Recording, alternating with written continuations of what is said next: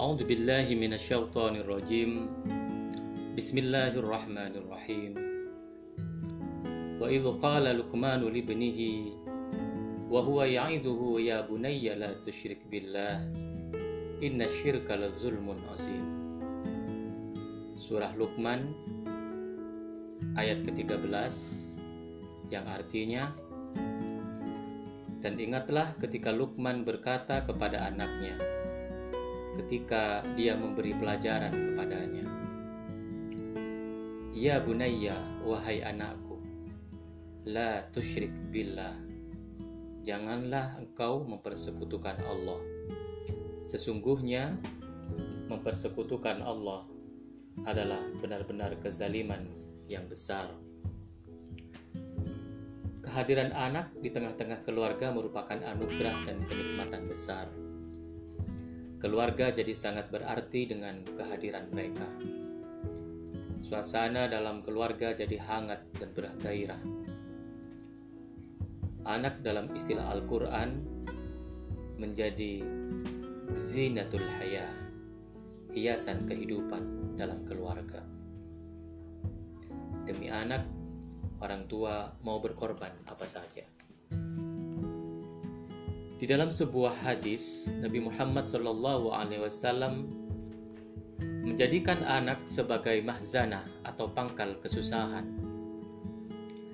Hal itu manakala anak tertimpa musibah, apakah sakit atau nauzubillah kematian, Anak juga disebut sebagai mabkhalah atau menjadikan orang tua bakhil atau kikir karena yang dipikirkan adalah anaknya saja dalam memanfaatkan hartanya. Anak juga disebut sebagai majbanah atau membuat orang tua penakut terhadap pekerjaan yang menyerempet bahaya seperti perang atau jihad dan sebagainya.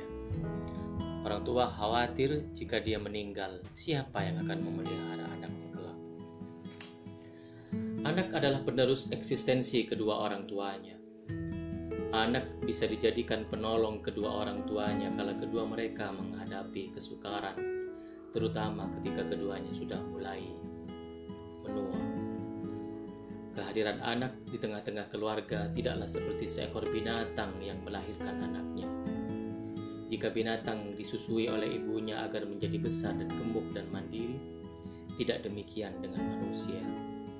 Manusia adalah makhluk yang diangkat oleh Allah menjadi khalifah di bumi. Apa kewajiban orang tua? Anak adalah amanah yang Allah titipkan kepada orang tua.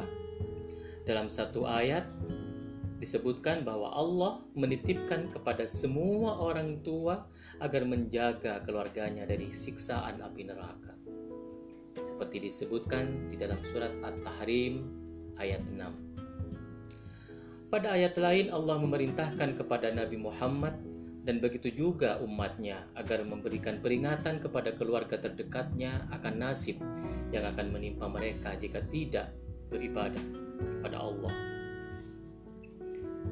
ini disebutkan di dalam Quran surah Asy-Syu'ara ayat 214. Orang tua juga diperintahkan oleh Allah untuk memerintahkan anaknya untuk melaksanakan sholat dan bersabar. Seperti disebutkan di Quran surah Taha ayat 132. Untuk menjelaskan bagaimana cara mendidik anak, Nabi sudah banyak memberikan pengarahan antara lain mengajarkan anak-anak sholat ketika mereka sudah berumur 7 tahun dan jika mereka telah berumur 10 tahun orang tua bisa memberikan teguran yang lebih keras lagi perintah mengajarkan sholat berarti mengajarkan hal-hal yang berkaitan dengan sholat seperti syarat dan rukunnya sholat seperti cara berwudu, pengetahuan tentang air yang suci, menutup aurat, menghadap kiblat dan mengajarkan mereka bisa membaca suratul Fatihah serta praktik sholat. Begitu dengan kewajiban-kewajiban lainnya.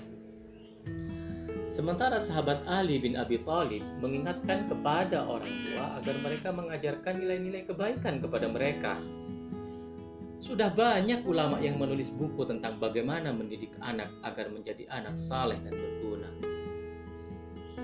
Contohnya misalnya seperti Abul Hasan Ali Al-Qabisi wafat 403 Hijriah menulis suatu risalah atau kitab yang dinamakan Ar-Risalah Al-Mufashalah Al-Mufashalah li ahwalil muallimin wal muta'allimin.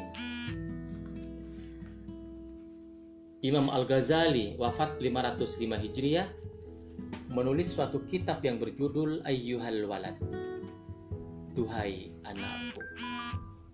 Ibnu Qayyim Al-Jauzi Al-Jauziyah wafat tahun 751 Hijriah menulis kitab berjudul Tuhfatul Maudud bi Ahkamil Maulud.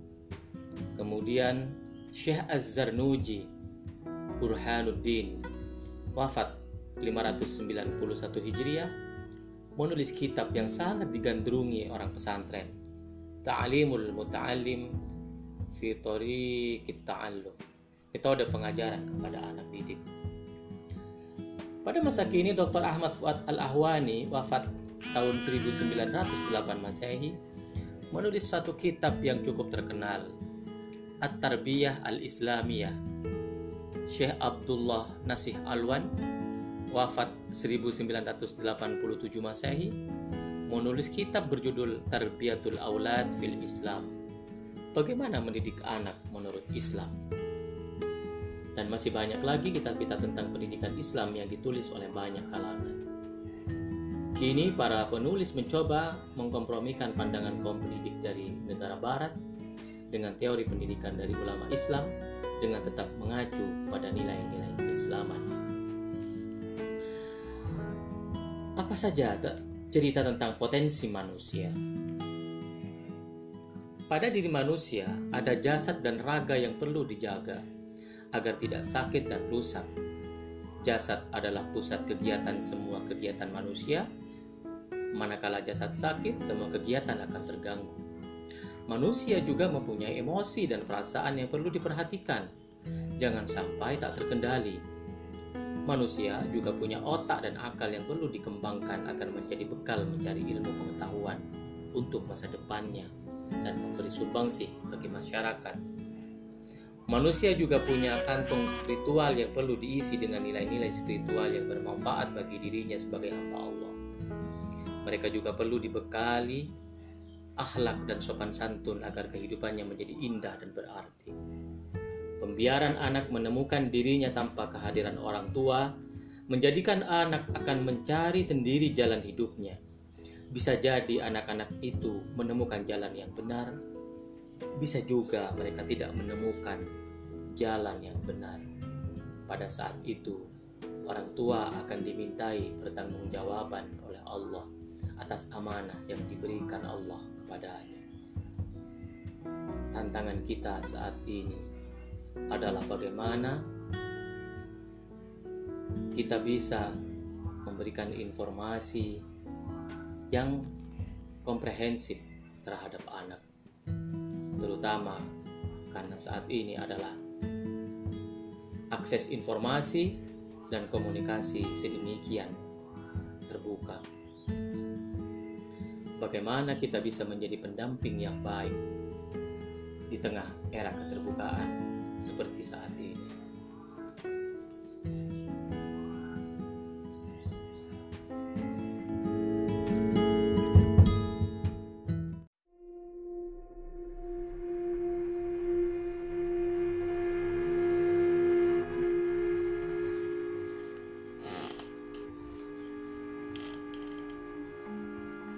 Allah berfirman di dalam Al-Quran Surah Luqman ayat 13 Wa idh qala Luqmanu libnihi wa huwa ya'idhuhu Ya bunayya la tushrik billah inna syirka la zulmun alim. Ayat ke-13 surah Luqman yang barusan dibaca adalah sepenggal dari delapan ayat-ayat yang bercerita tentang wasiat Luqman kepada anaknya Wasiat ini demikian penting sehingga Al-Quran mengangkatnya sebagai salah satu bagian dari ayat-ayat Al-Quran yang berujar tentang pendidikan anak. Delapan ayat untuk mengedepankan wasiat Luqman di surah Luqman tersebut merupakan penghargaan yang luar biasa dalam ilmu kependidikan anak. Para ahli sejarah dan ahli periwayatan berbeda pendapat tentang siapa Lukman itu sebenarnya. Ibnu Katsir dalam tafsirnya mengatakan bahwa ada pendapat yang menganggapnya sebagai nabi dan ada yang menganggapnya sebagai orang saleh biasa. Ada yang mengatakan bahwa Lukman adalah seorang hamba sahaya dan ada yang berpendapat bahwa dia adalah seorang dari negeri Habesyah atau Ethiopia yang berprofesi sebagai tukang kayu. Betapapun demikian, Lukman diberi anugerah oleh Allah berupa hikmah, yaitu pengetahuan yang mendalam tentang rahasia ajaran agama. Jadilah Lukman sebagai orang yang sangat diperhitungkan dalam kancah pendidikan. Dalam kesempatan ini ada baiknya dijelaskan tentang 12 wasiat Lukman kepada anaknya. Kesembilan wasiat itu secara garis besar adalah sebagai berikut. Yang pertama, jangan musyrik. Yang kedua, berbuat baiklah kepada kedua orang tua. Bersyukurlah kepada keduanya, jangan ikuti kehendaknya yang menyimpang dari jalan Allah.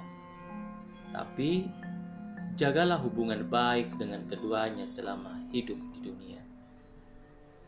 Nasihat yang ketiga, cari tokoh panutan.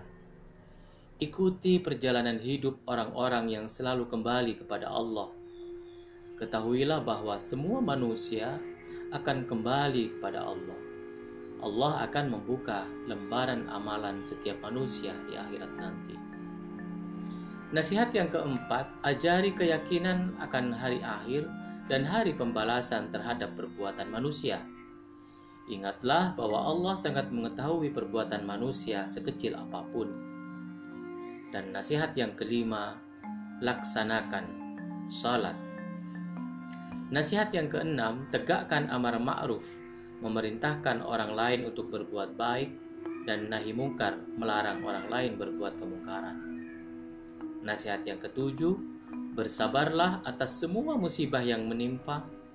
Nasihat kedelapan, Jangan bermuka sombong terhadap orang lain, ketus dan sok tahu. Jangan pongah dalam berperilaku. Dan nasihat yang kesembilan, jangan berjalan dengan gaya menyombongkan diri. Nasihat yang kesepuluh, berjalanlah secara wajar, jangan dibuat-buat. Nasihat ke-11, ajarkanlah bahwa Allah tidak suka orang yang mempunyai sifat sombong seperti itu. Dan nasihat yang ke-12, berbicaralah dengan orang lain dengan suara yang lembut.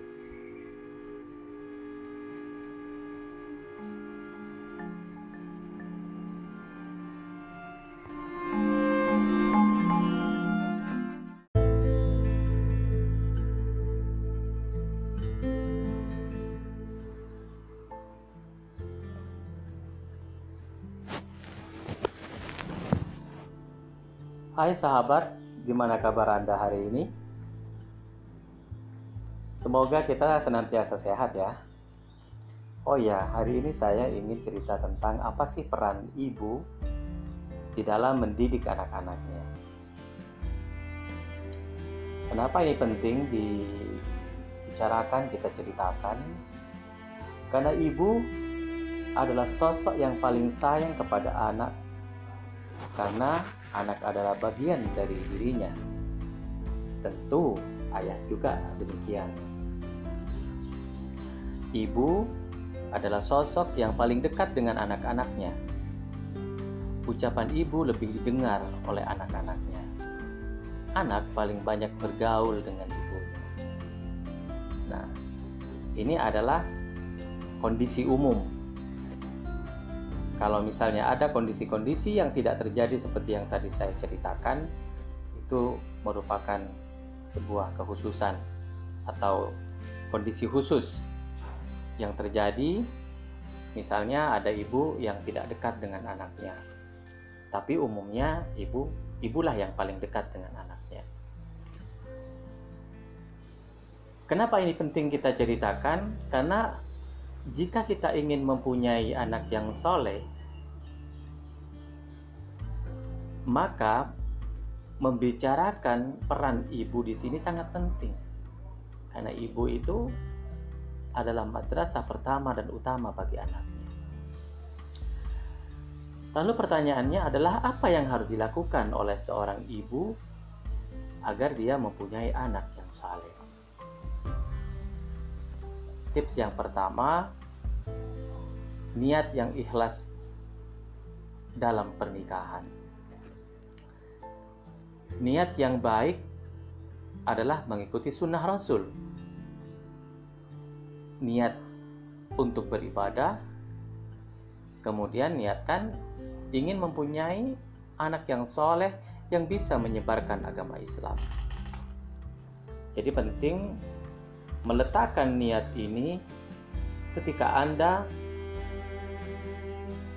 melakukan ijab kabul beribadah dalam sebuah mahligai rumah tangga.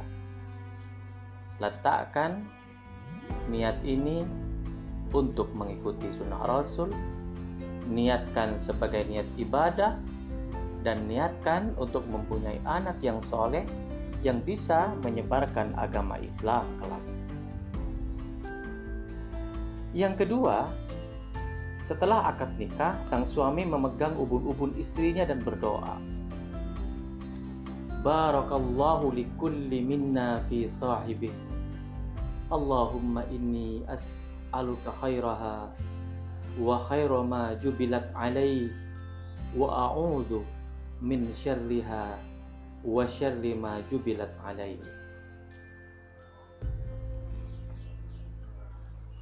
Kemudian yang ketiga pada waktu berhubungan intim lakukan hubungan intim tersebut yang diawali dengan berdoa. Allahumma jannibna syaitan wa jannibis syaitan ma Kemudian yang keempat, pada waktu mengandung selalu banyak membaca Al-Qur'an dan berzikir kepada Allah.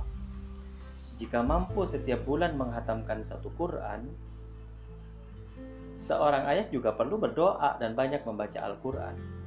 Karena apa? Karena getaran suara lantunan ayat Al-Quran akan sampai ke janin yang ada di dalam rahim ibu. Yang kelima, ketika melahirkan, bayi di azani. Yang keenam, selalu membaca surah Al-Mu'awwizatain tiga kali, pagi dan sore, dan dihembuskan ke ubun-ubun agar anak terhindar dari gangguan syaitan. Yang ketujuh, melakukan akikah atau menyembelih kambing. Jika lelaki dua kambing, jika perempuan satu kambing agar di, agar anak tidak tergadaikan. Yang kedelapan, memberi nama yang baik, karena nama yang baik berarti doa dari orang tua. Yang kesembilan, melakukan sunat bagi lelaki. Yang kesepuluh, mengajari ajaran Islam puji-pujian tentang Allah semisal wujud kita bako atau Asmaul Husna yang ke-11 diajari salat apalagi apalagi setelah tujuh tahun termasuk cara berwudu, menutup aurat, membaca Al-Fatihah dan lain-lain.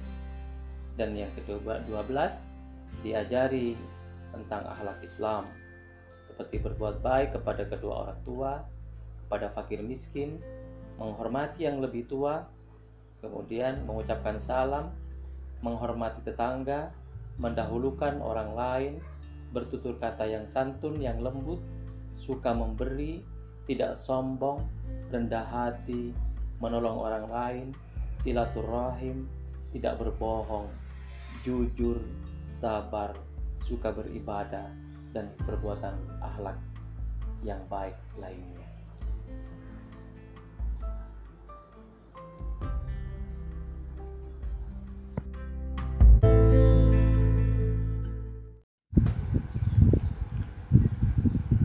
Assalamualaikum warahmatullahi wabarakatuh. Bismillahirrahmanirrahim. Alhamdulillah Wassalatu wassalamu ala rasulillah. Amma ba'du. Sahabat-sahabatku yang dirahmati Allah Hari ini kita akan membaca surah yang terkait dengan kewajiban puasa yaitu surah Al-Baqarah surah kedua ayat 183. A'udzu billahi minasyaitonir rajim. Bismillahirrahmanirrahim.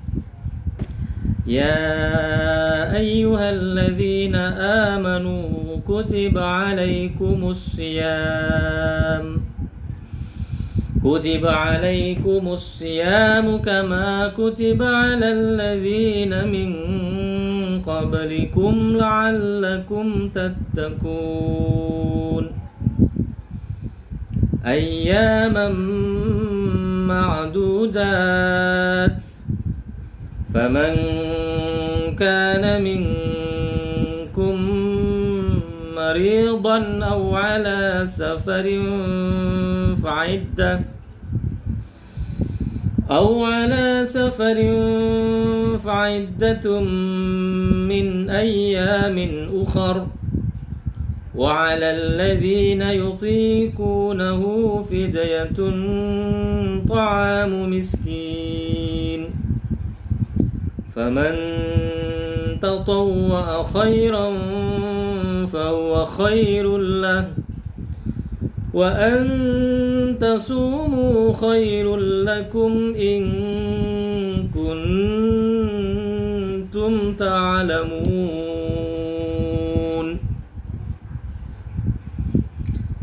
Hai orang-orang yang beriman Diwajibkan atas kamu berpuasa sebagaimana diwajibkan atas orang-orang sebelum kamu agar kamu bertakwa yaitu dalam beberapa hari yang tertentu.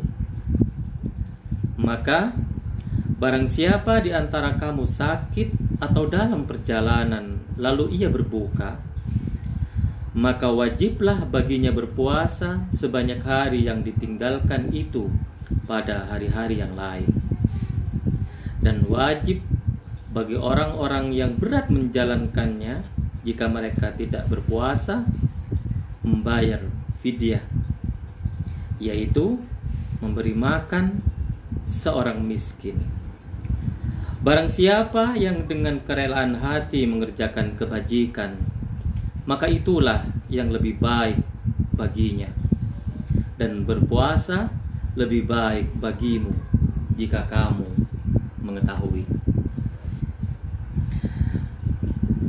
Ayat puasa di sini dimulai dengan satu ajakan kepada setiap orang yang memiliki iman, walau seberat apa pun.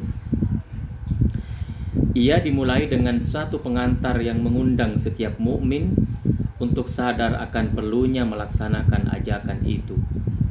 Ia dimulai dengan panggilan mesra. Ya ayyuhalladzina amanu. Wahai orang-orang yang beriman. Kemudian dilanjutkan dengan menjelaskan kewajiban puasa tanpa menunjuk siapa yang mewajibkannya. Diwajibkan atas kamu. Redaksi ini tidak menunjuk siapa pelaku yang mewajibkan. Agaknya untuk mengisyaratkan bahwa apa yang akan diwajibkan itu sedemikian penting dan bermanfaat bagi setiap orang, bahkan kelompok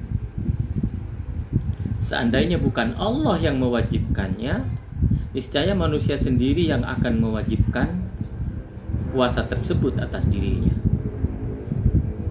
Apa yang diwajibkan itu? Yang diwajibkan itu asyam, yakni menahan diri. Menahan diri dibutuhkan oleh setiap orang, kaya atau miskin, muda atau tua, lelaki atau perempuan, sehat atau sakit, orang modern yang hidup masa kini maupun manusia primitif yang hidup masa lalu, bahkan perorangan atau kelompok. Selanjutnya ayat ini menjelaskan bahwa kewajiban yang dibebankan itu adalah sebagaimana telah diwajibkan pada atau atas umat-umat terdahulu sebelum kamu. Ini berarti puasa bukan hanya khusus untuk generasi mereka yang diajak berdialog pada masa turunnya ayat ini, tetapi juga terhadap umat-umat terdahulu walaupun perincian cara pelaksanaannya tentu berbeda-beda.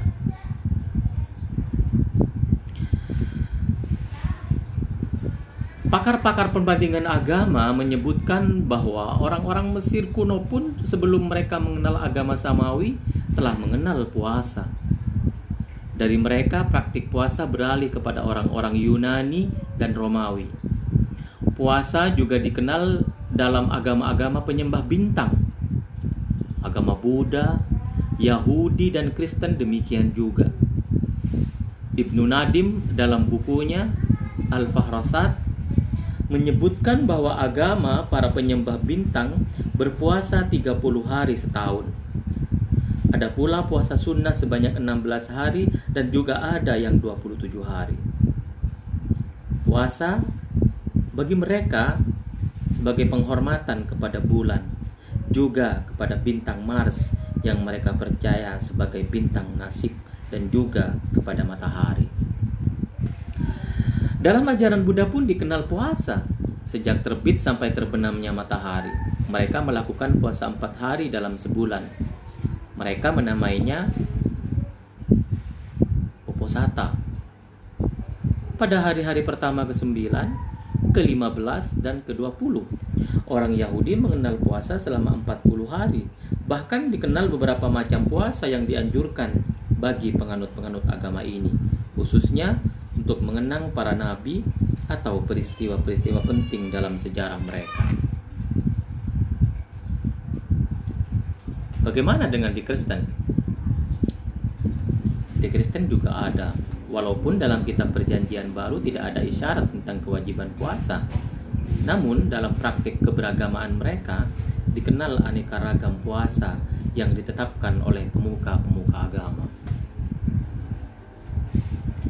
Apa tujuannya? Ta'allakum tattaqun agar kamu bertakwa.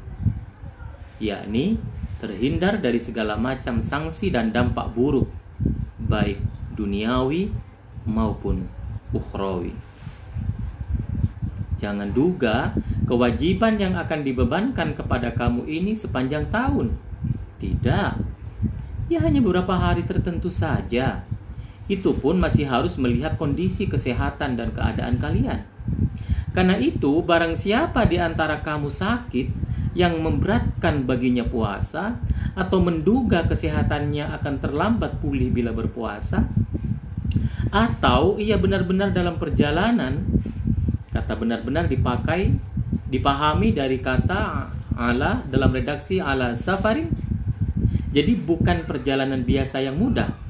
Dahulu perjalanan itu dinilai sejauh sekitar 90 km jika yang sakit dan yang dalam perjalanan itu berbuka maka wajiblah baginya berpuasa pada hari-hari lain.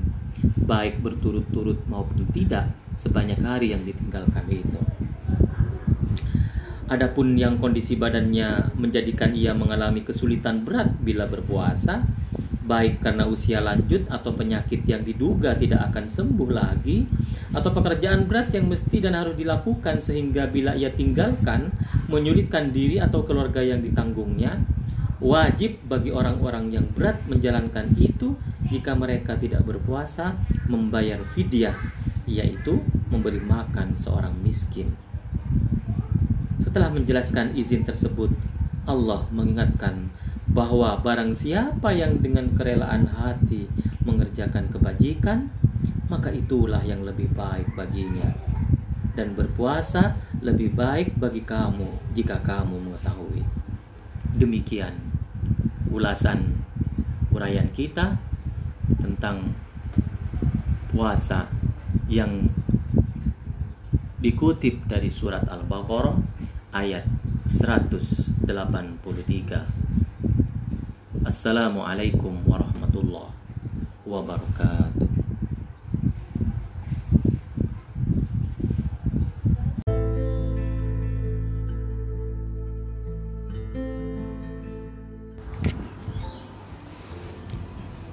Apa sih keistimewaan Nabi Muhammad Sallallahu Alaihi Wasallam? Seperti seorang ratu dalam film Snow White atau Putri Salju yang bertanya ke cermin ajaib, siapa yang paling cantik? Sejarah peradaban manusia pun bertanya-tanya, siapakah yang paling rupawan atau tampan? Tidak hanya kisah kanak-kanak, bahkan seorang filsuf seperti Nietzsche pun menulis Thus Spoke Zarathustra yang bicara mengenai konsep manusia unggul atau Ubermens yang lebih dari lainnya. Ini mengingatkan kita pada komik yang kemudian difilmkan mengenai manusia baja alias Superman yang berjuluk Man of Steel. Dia berasal dari planet Krypton yang berada di luar bumi dan memiliki kekuatan super di atas kemanusiaan penduduk bumi. Tidak cukup dengan itu, Hollywood membanjiri kita dengan berbagai kisah manusia yang memiliki kemampuan luar biasa, mulai dari X-Men, Spider-Man, Hulk yang berasal dari bumi ataupun yang dari langit seperti Thor. Tradisi wayang pun punya jenis manusia unggul seperti Gatot Kaca yang melegenda di tengah masyarakat kita. Akan tetapi, Muhammad bin Abdullah yang diklaim sebagai nabi dan rasul terakhir oleh umat Islam bukanlah seorang yang punya kekuatan super.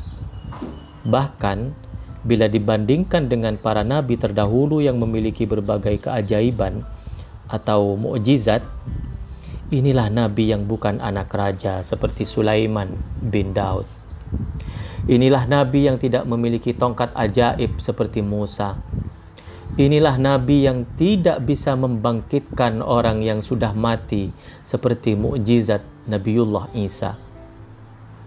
Dan juga bukan seperti Yusuf yang gantengnya mampu membuat para perempuan tak sadar mengiris jemari mereka sendiri. Tidak. Yang diceritakan pada kita adalah Muhammad, seorang yang bersahaja, yang tidur beralaskan tikar kasar, mengganjal perutnya dengan batu karena menahan lapar. Inilah Muhammad yang pergi berperang dan pernah kalah. Inilah Nabi yatim piatu yang besar dalam asuhan kakek dan kemudian pamannya.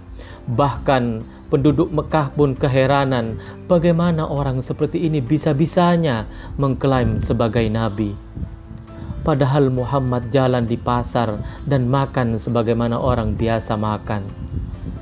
Mungkin seharusnya Rasul terakhir itu berupa malaikat atau sosok yang dari luar bumi. Hari kelahiran beliau pun bukan pada hari besar seperti Jumat. Beliau lahir pada hari Senin. Beliau tidak lahir pada bulan yang disucikan oleh orang Arab tetapi pada bulan biasa, yaitu Rabiul Awal. Padahal orang kampung saja punya perhitungan tentang tanggal dan hari kelahiran sebagai indikasi kebesaran sang anak pada masa mendatang. Muhammad menjadi tokoh hebat bukan karena itu semua. Kalau meminjam dialog Batman ketika bertarung dengan Superman, apakah kau bisa berdarah? Do you bleed? Muhammad seperti kita juga. Beliau berdarah, menikah, makan dan minum, serta pergi berdagang. Muhammad bukanlah pria yang memiliki otot kawat dan tulang dari besi. Jelas sudah Muhammad bukan orang yang memenuhi kriteria angan dan imaji kita seperti tradisi dan kisah kanak-kanak. Komik, novel filosof, ataupun film yang laris di pasaran. Lantas, di mana letak keistimewaan seorang Muhammad? Mengapa pula bangsa Arab mau mendukung beliau padahal ajaran yang dibawa tidak menempatkan bangsa Arab? Ya, bangsanya sendiri sebagai bangsa yang paling unggul sedunia. Kita tahu Yahudi selalu merasa sebagai bangsa pilihan Tuhan. Bahkan Hitler pun merasa bangsa Arya sebagai yang paling unggul. Tidak heran keduanya saling bermusuhan. Akan tetapi Muhammad Ajaran yang beliau terima jelas mengatakan bahwa yang paling unggul di sisi Tuhan itu adalah mereka yang paling bertakwa. Tidak ada keutamaan bangsa Arab dari orang Madura, Afrika, Dayak, Tiongkok atau Bugis.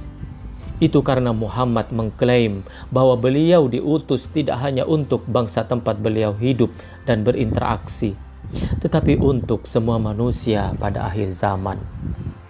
Sekali lagi, apa sih yang membuat Muhammad menjadi istimewa dan pantas kita teladani? Ada tiga jawabannya.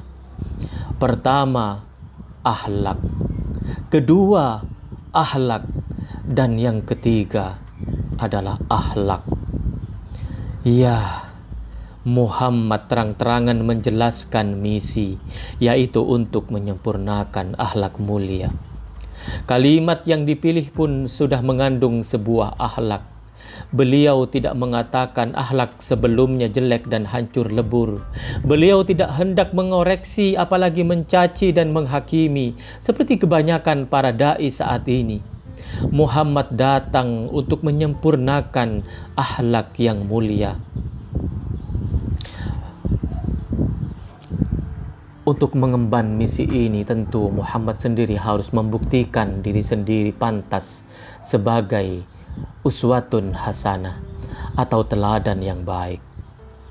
Sebelum diangkat sebagai seorang nabi pun, penduduk Mekah sudah mengenal kejujuran Muhammad sehingga digelari Al-Amin. Track record itu penting. Muhammad pun menolak kerajaan atau harta yang ditawarkan lantas. Kalau beliau sudah berhasil menyempurnakan akhlak yang mulia, hasilnya akan seperti apa? Kali ini Tuhan yang mewakili untuk memberi jawaban lewat ayat suci. Hasil dari gemblengan akhlak yang mulia itu akan melahirkan Islam yang berupa rahmah bagi semesta alam.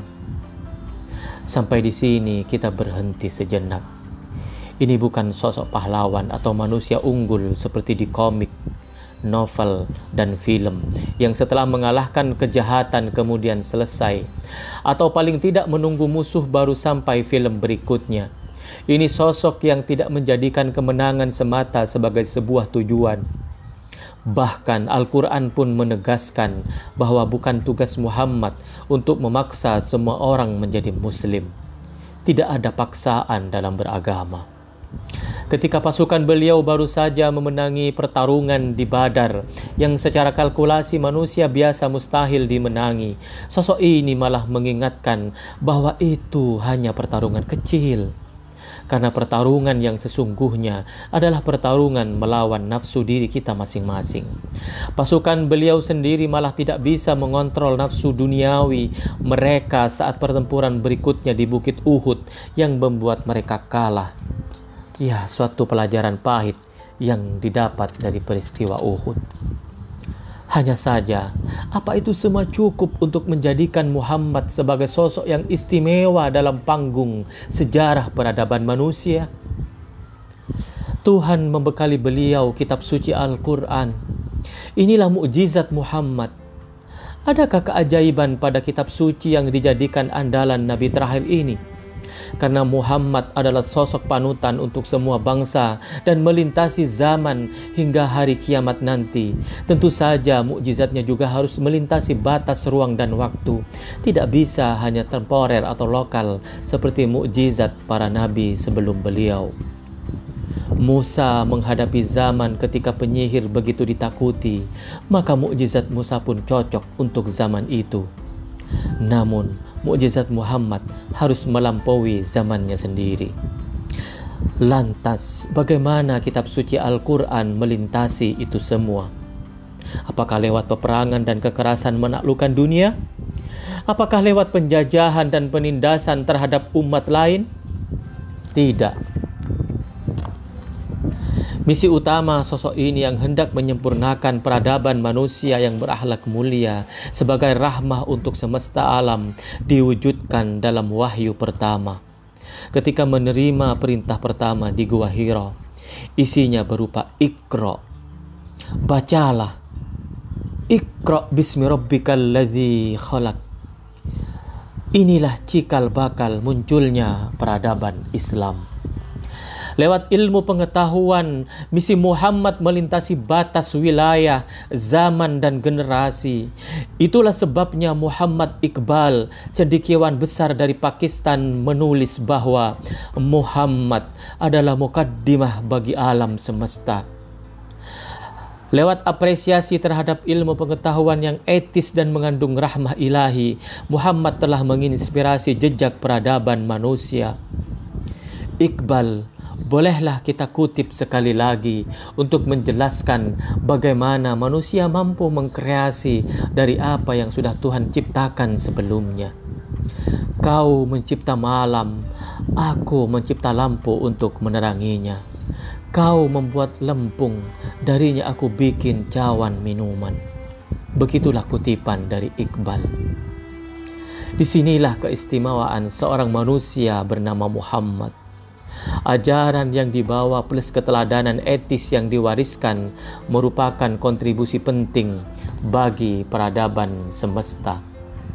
Maulid adalah memori kolektif kita akan perjuangan Nabi Muhammad sallallahu alaihi wasallam menginstitusionalisasikan akhlak mulia, perintah Iqra dan Islam yang rahmatan lil alamin. Tanpa kesadaran akan jejak silam, kita mustahil bisa move on. Oleh karena itu, peringatan Maulid jangan direduksi hanya menjadi perdebatan tahunan masalah bid'ah atau tidak bid'ah. Maulid Nabi adalah momen kita untuk kembali mengambil pelajaran dari sosok yang Allah dan malaikat pun bersalawat pada beliau. Allahumma salli alaihi zinata arsyik wa mablagha ridhaka wa midada kalimatika wa muntaha rahmatik. Ya Allah, limpahkan salawat kepada Nabi Muhammad seindah arashimu, sebanyak ridamu, kalimatmu, dan rahmatmu. Amin.